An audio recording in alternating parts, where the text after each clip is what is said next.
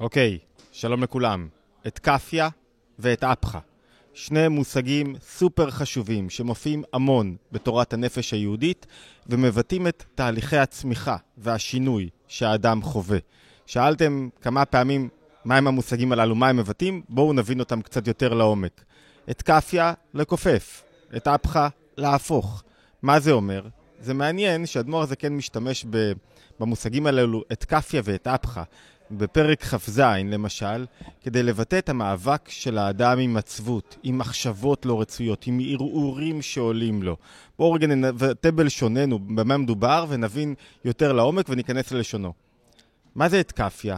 יש לי איזו מחשבה שלילית שעולה לי. מחשבת עצבות, שאני לא במקום שלי, חוסר אמון שלי בעצמי, תאווה, יצר, משיכה לדבר מסוים. הדבר הראשון שאני צריך לעשות זה את קפיה. זה לכופף, בעצם לא לתת ליצר, למחשבה הזאת להשתלט עליי. למה אני לא צריך לתת לה להשתלט עליי? כי כשאני מכופף אותה, אני דוחה אותה, אני אומר בעצם, היא לא שלי. היא לא שייכת לי באמת. אני דוחה אותה ממני, למרות שיש לי משיכה גדולה אליה. יש לי משיכה גדולה ליצר, לתאווה, למחשבה, לעניין. אמרנו שגם במחשבות שיש בהן עצבות למשל, יש בהן איזה סוג של תאווה, כי בא לי עכשיו להיות עצוב, בא לי להיות מסכן, בא לי להיות במקום הזה. אז מה שאנחנו אומרים זה שאת כאפיה היא כאילו אני כופה את עצמי, אני נלחם בעצמי, אני מתמודד, אני מתנזר, אני מתרחק. זו עבודה פנימית שאני צריך לעשות כדי בעצם להימנע מדבר מסוים. לעומת זאת, את אפחה זה שפתאום אני מגלה שמה שכפיתי לא באמת היה שייך לי מלכתחילה, לא באמת היה שלי, זה לא באמת הייתי אני.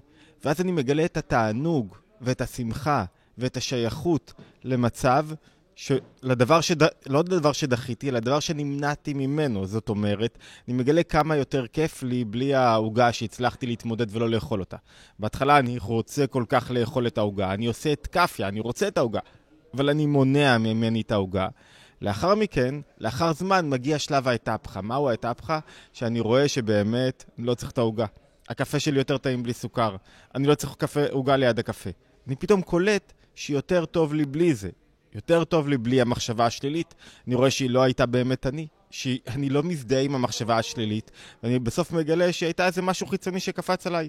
אני לא מזדהה עם הדיכאון, אני מגלה שהוא לא היה באמת אני, הדיכאון או העצבות, זה השימוש המקורי של אדמו"ר הזקן. אני מגלה שזה לא באמת, זה, זה לא באמת אני, הדיכאון והעצבות. משהו שמזנק עליי, משהו חיצוני. הוא נקרא סטרא אחת, צד אחר, ישות, אבל זה לא באמת אני, ולכן... יש תענוג מאוד גדול באתפחה. אתפחה מגלה בעצם, אם באתקפיה אני צריך ככה ליצור תנועה של אני משנס מותניים, מתמודד, מתגבר, מתנזר, באתפחה יש תנועה של תענוג מאוד גדול, של כיף מאוד גדול, כי אני מגלה פתאום שאני שייך למשהו הרבה יותר גבוה. זה כמו שמישהו למשל מפסיק לעשן, בהתחלה מאוד קשה לו, הוא לא יכול לראות עצמו בלי סיגריה, הוא משתגע כל רגע בלי סיגריה.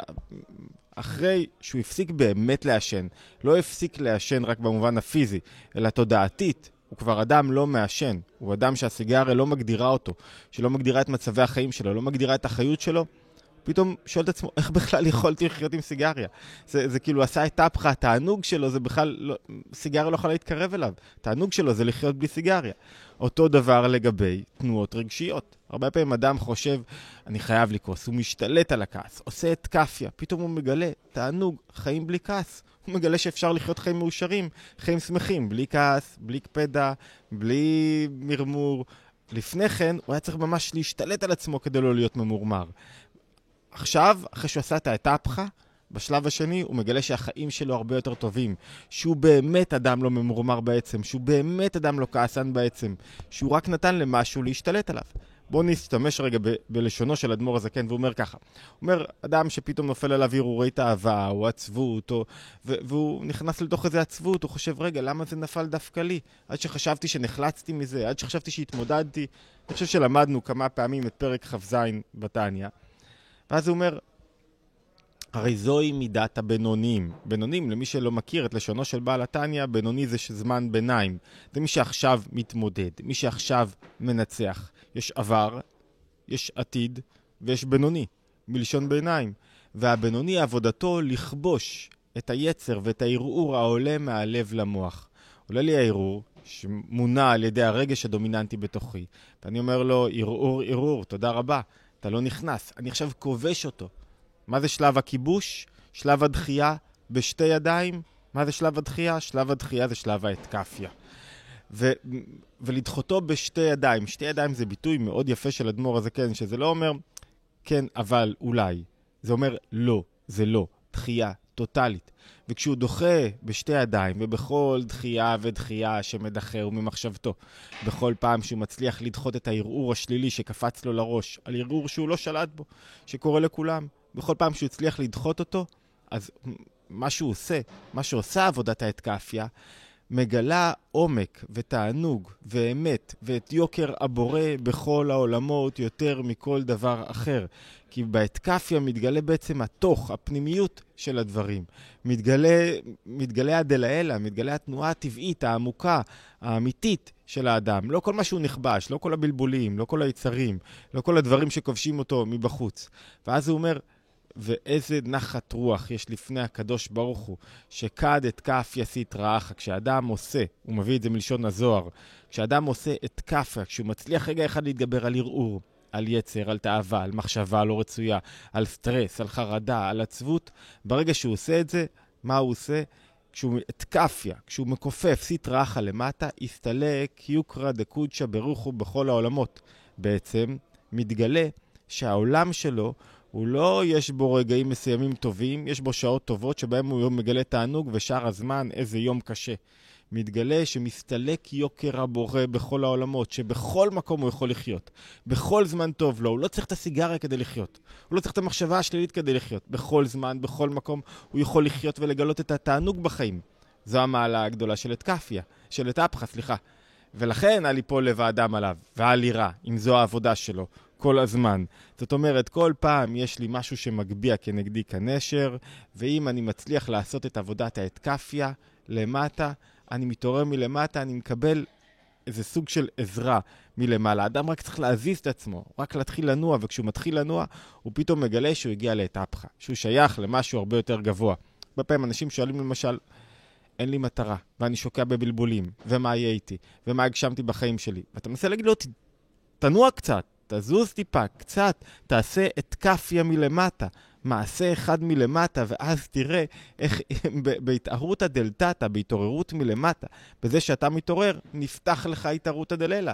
נפתחים דלתות, אתה פתאום רואה בהירות, פתאום הדברים משתנים, אבל קשה לו בהתחלה לעשות את האתקפיה מצידו.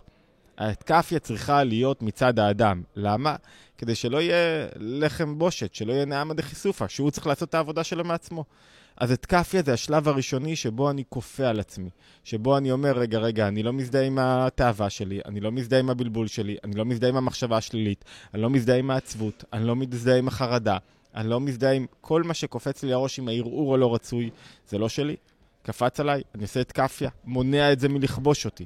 ולאחר מכן מתגלה האתפחה. והתהליך הזה הוא התהליך הפנימי של צמיחה, שאדם בעצם עושה שני מעשים. מצד אחד, הוא מתכנס חזרה, מונע מהעולם לשלוט בו. מצד שני, הוא רואה איך שההתפשטות שלו אחרי זה היא בכל העולם, כי אז הוא הולך לא מאוים, ומגלה בכל מקום את האפשרות צמיחה שלו, ובכל מקום את החיות שלו, ובכל מקום את, ה- את היכולת שלו לגלות מה התרומה שלו ומה ההשפעה שלו. הוא לא מאוים מהעולם. הוא לא נשלט על ידי העולם, אלא הוא מביא משהו לעולם. זה ההבדל בין אתקפיה ואתאפחה, וללא מושגים מלאכותיים. מה זאת אומרת מלאכותיים? שאנחנו אומרים לעצמנו, אם תעשה אתקפיה, תתגבר, ואז תראה. לא, זה באמת כך. באמת אני זה לא העצבות שלי. באמת אני זה לא החרדות שלי. באמת אני זה לא היצר שלי. תעשה רגע את כאפיה, ותראה איך שאתה מפיץ את יוקר הבורא, ובעצם מגלה שכל העולמות פתוחים עבורך, שאתה לא מוגבל בתוכם. למה? כי בכל מקום אפשר לגלות תענוג, ובכל מקום אפשר לחיות. וזו המטרה העיקרית. אוקיי, עכשיו השאלה הגדולה, מה יותר חשוב, את כאפיה או את ההפכה לגלות היכולת של האדם רגע להשתלט על עצמו ולמנוע מעצמו, ויש את כאפיה אפילו בדברים קטנים, כשאדם פתאום מונע מעצמו, בלשון נתניה, רגע עוצר רגע מלאכול משהו שמאוד בא לו. אז רגע עוצר, הוא מגלה כוח מסוים בנפש שלו. כוח של... שעוזר לו לצמוח, כי הוא גילה את הכוח הזה.